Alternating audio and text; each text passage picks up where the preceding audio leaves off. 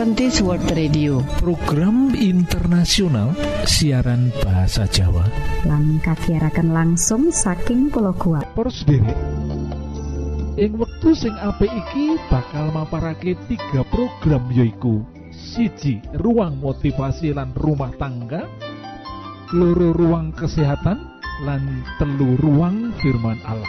Kita pracojok program iki bakal jadi manfaat jadi berkah kagem kita kabeh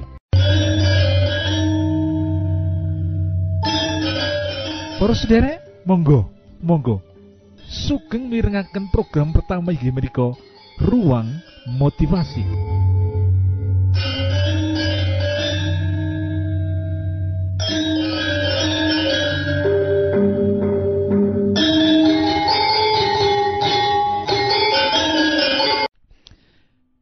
Motivasi yang waktu iki yaiku saat anak memiliki hubungan tidak harmonis karo adike. Piye sikap kita sebagai orang tua? Para. Sering waktu kita masih bersama anak-anak masih anak kecil dan remaja, anak-anak kita arahkan menurut memiliki hubungan yang akrab dengan kakak-kakaknya, dengan adik-adiknya, dengan saudara-saudaranya, kita didik menurut Nanging pada saat kita sudah usia senja, anak-anak mulai berkeluarga, ada-ada saja masalah sing timbul loh. Dan salah satu masalah sing timbul yaitu ketika kita usia senja, anak kita memiliki hubungan sing ora baik karo adik e utawa kakaknya. Anak-anak kita ribut, tidak memiliki hubungan baik. Lah, sikap kita bagaimana? Saat anak-anak kita memiliki masalah yang demikian di mana kita sudah usia kita sudah lebih dari usia parubaya. Kita memiliki sikap bagaimana? Lah, inilah beberapa petunjuk bagi kita orang tua untuk bisa bersikap yang terbaik. Yang pertama yaitu ketidakcocokan di antara mereka mencapai puncaknya pada saat anak dewasa. Itu memang. Kalau memiliki masalah, puncak-puncak masalah itu memang saat anak dewasa. Jadi ojo kaget. Pada waktu anak-anak belum diselesaikan dengan baik, tapi pada waktu dewasa itu puncak-puncaknya. Kalau bermasalah, bermasalah. Kalau tidak, ya tidak. Kita ojo kagetan. Lah pada umumnya persaudaraan mengalami perubahan drastis setelah anak dewasa, baik karena karakter maupun karena pasangan yang dipilihnya. Lah itu. Jadi ojo kaget terus derek. Yang anak kita itu berubah bukan hanya dengan kita tapi dengan saudara-saudaranya karena apa? Karena memang setelah bekerja, setelah dewasa karakternya mungkin berubah dan karena pasangan hidupnya. Lah, kalau ingin menasihati sebenarnya ya jauh-jauh sebelum anak menikah, kita sebagai orang tua khususnya ibu menasihati sing rukun ya le, sing rukun ya karo saudara-saudaramu. Itu didengar oleh seorang ibu. Kalau pesan itu sering disampaikan, sering disampaikan ya didengar. Tapi pada waktu mereka dewasa dan ternyata tetap saja berubah, ojo kagetan. Ojo kagetan para sederek apalagi kalau memang itu atas bujukan dari pasangan hidupnya. Ono lo wong tua sing berusaha menceraikan anaknya loh. Yo ya ojo kaya mengkono toh. Sabar wae, kita tetap berdoa, kita tetap bersikap baik kepada anak-anak kita sing bermasalah lagi. Nah, sak banjure ini penting loh. Wong tua harus bersikap netral dan tidak memihak. Penting loh poros sederek. Orang tua harus bersikap netral dan tidak memihak. Ojo memihak ke mana-mana. Memihak sing anak siji, memihak anak sing sijine, ojo netral. Nah, kita tidak terpengaruh oleh anak sing kecil atau anak yang besar. Pokoknya orang tua bersikap netral, melihat masalahnya dengan clear, kemudian baru memberikan nasihat. Lah sing sering bermasalah lan disebabkan karena kita kan berpihak. Kita membela yang satu sehingga yang salah pun kita bela. Lah ini masalah-masalah koyong ini raiso selesai. Jadi ojo memihak. Lah, sak banjure yoiku orang tua harus merukunkan. Lah ini persedere. Tugas orang tua harus merukunkan tetapi ya jangan saat sudah bermasalah gede baru merukunkan. Saat melihat ada masalah kecil rukunkan, bahkan saat rukun pun orang tua memiliki pesan-pesan untuk merukunkan itu perlu. Ojo sampai kelewat. Ojo sampai orang tua tidak peduli. Saat terjadi masalah baru turun tangan. Ojo. Sejak awal kita sudah harus memberikan nasihat rukun agawe santoso cerah agawe bubrah itu kita harus tekankan kepada anak-anak kita. Nah, yang kita memiliki sikap sing kaya mengkini diharapkan anak bisa menjadi anak yang kembali rukun dengan saudara-saudaranya melihat bapak dan ibunya bersikap yang terbaik kaya mengkini Gusti berkahi.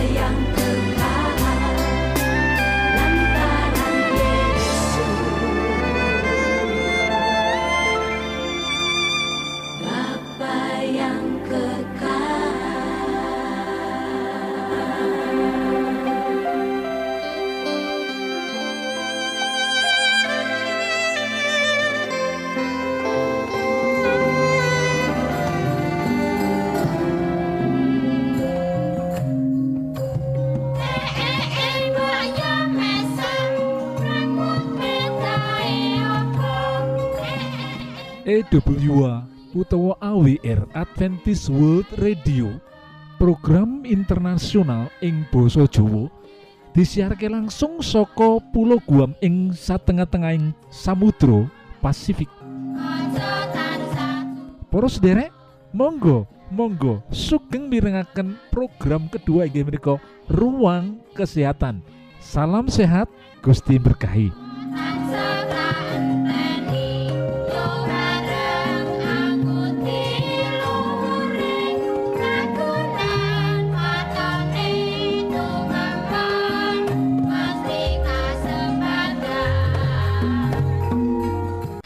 poso para sederek poso utawa puasa fasting darbe lelabuhan kang luar biasa.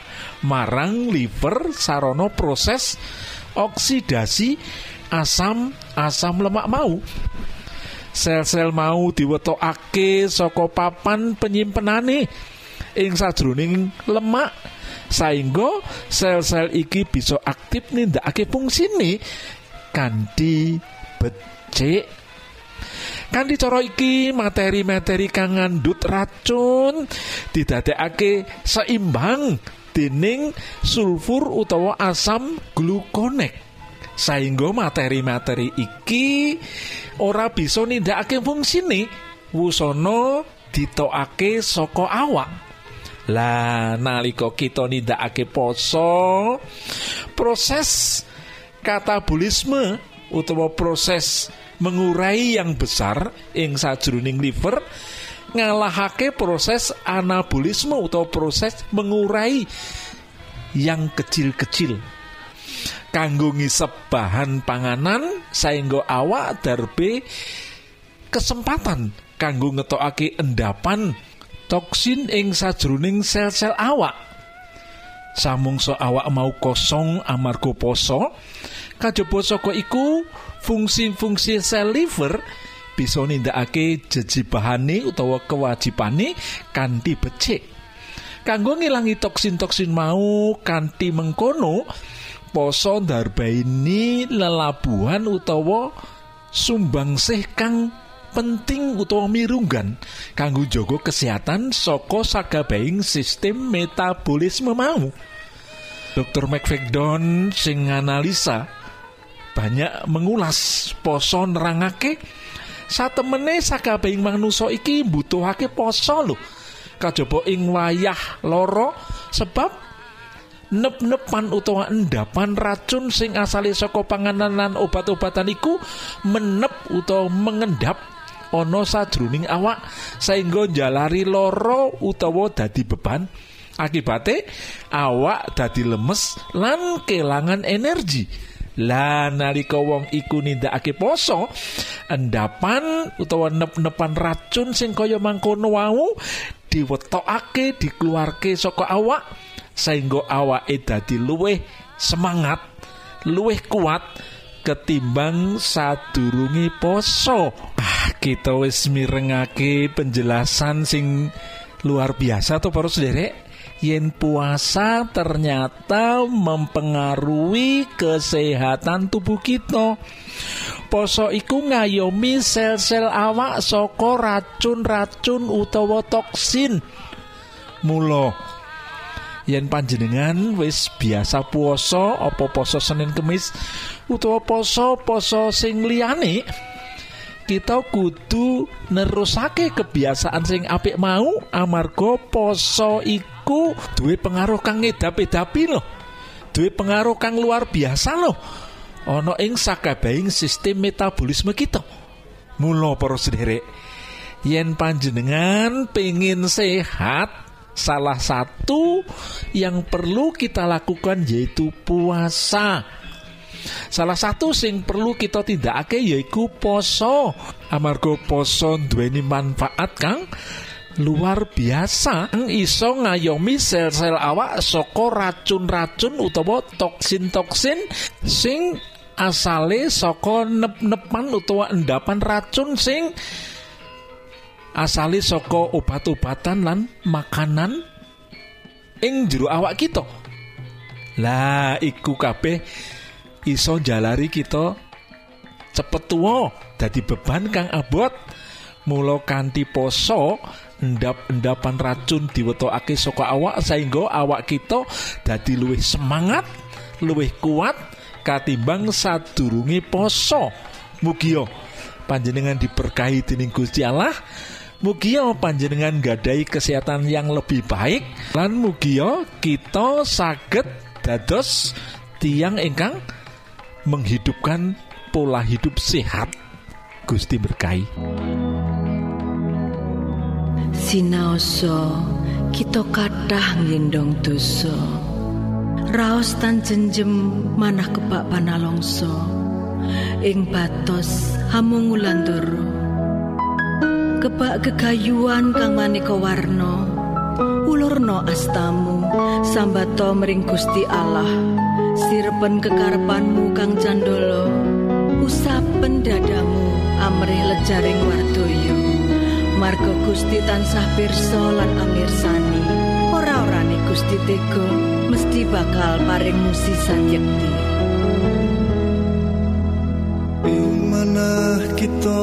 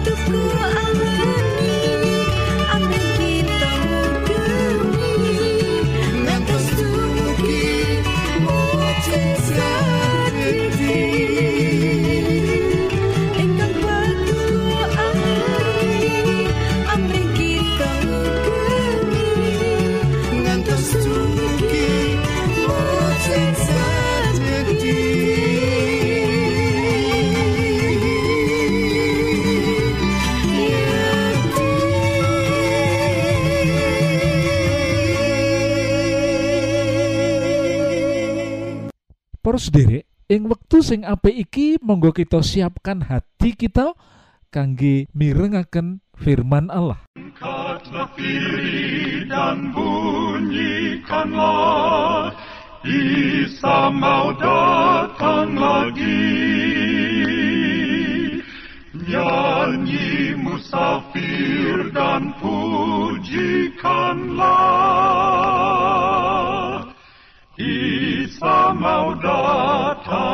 lagi. EWA utawa AWR Adventist World Radio. Program internasional ing Boso Jowo disiharke langsung soko pulau Guam ing satengah-tengahing Samudro Pasifik. Pros derek yang waktu sing apik iki monggo kita siapkan hati kita kangge mirengaken firman Allah. Datang lagi, datang lagi, Isa mau datang lagi.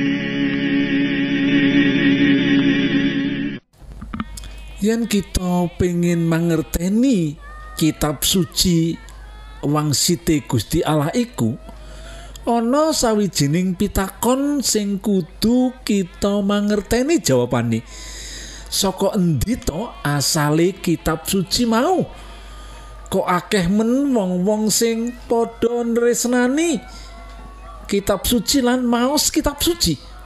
Saka endi asale kitab suci mau? Kitab suci iku wahyuning Gusti Allah marang manungsa lho para sederek kang cacahe ana swidak enem buku. Didadekake dadi satu buku utawa satu kitab yaiku kitab perjanjian lama lan kitab perjanjian baru. Rolikur kitab saka kitab suci meh kabeh isinya sejarah.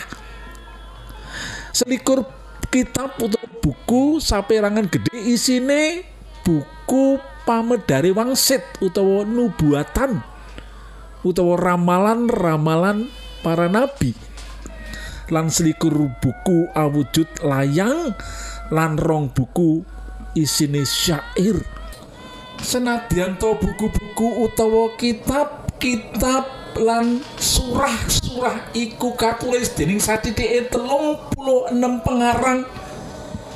Ana para ana juru tani ana ahli hukum ana jenderal lan pemimpin perang utawa pasukan ana juru ame iwak utawa nelayan uga ana pendeta para imam juru empu bayar utawa pemungut cukai uga ana penulis sing memiliki latar belakang dokter sawetara maneh ana wong sing sugih mlegedu lan ana sing wong melarat buku iku katulis sajroning jangka wektu kira-kira 1600 tahun lho para sendiri kitab suci iku katulis ana ing kira-kira jangka wektu 1600 tahun.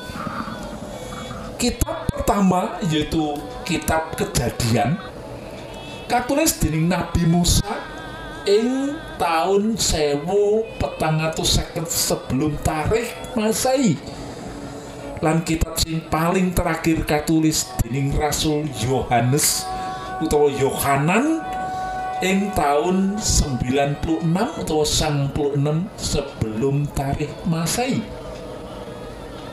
Lah nanging perlu kita emut kitab suci iku sejatine mung siji jalaran Gusti Allah siji lan Gusti Allah piyambak sing ngarang kitab suci iku. Gusti Allah piyambak sumber lan penulis sejati kitab suci mau para sendiri. Lah sak banjure ana pitakon sapa kang paring pamedar wangsit?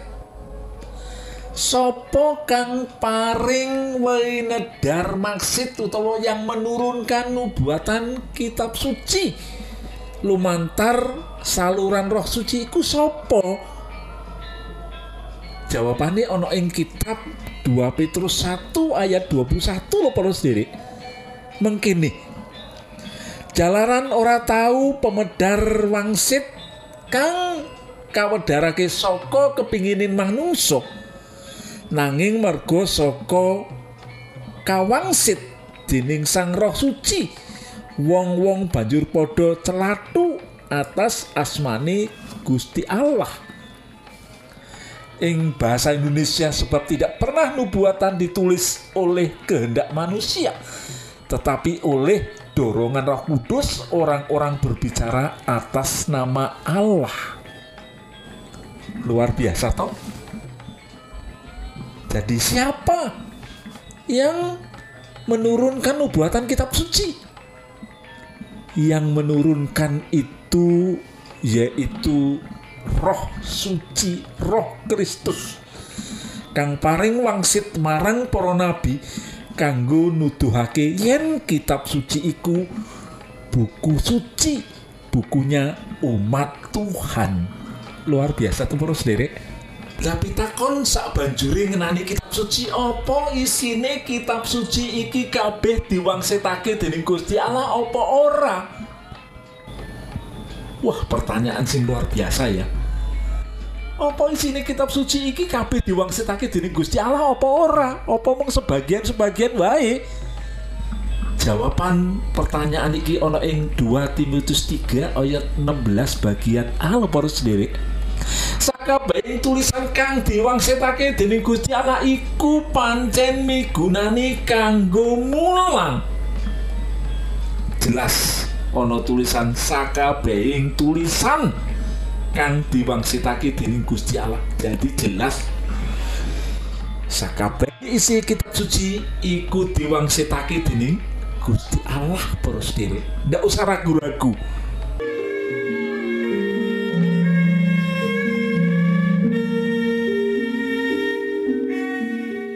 Para sutresna ingkang kinaji, kula aturaken panuwun sanget dene sampun nyuwun kawigatosan panjenengan sedaya.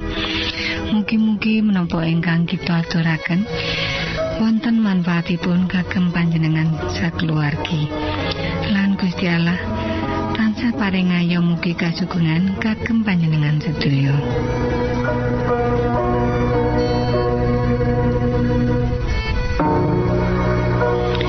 Ingkang tugas jagi wonten studio nyuwun pamit badhe mundur. pilih wonten pitaken-pitaken utawi unjuking atur masukan-masukan lan menawi panjenengan gadah kepengingan ingkang lebet badhe sinau bab pangantikaning Gusti lumantar kursus Alkitab tertulis monggo 3. Advent Suara Pengharapan PO Box 8090 Jakarta setunggal kali wolu setunggal 0 Indonesia. Panjenengan saged mlebet jejaring sosial kawulo inggih menika Facebook pendengar radio Advent Suara Pengharapan utawi radio Advent Suara Pengharapan. Saran-saran pitaken ugi tanggapan panjenengan tansah kawula tenggo. Lan saking studio kula ngaturaken bumi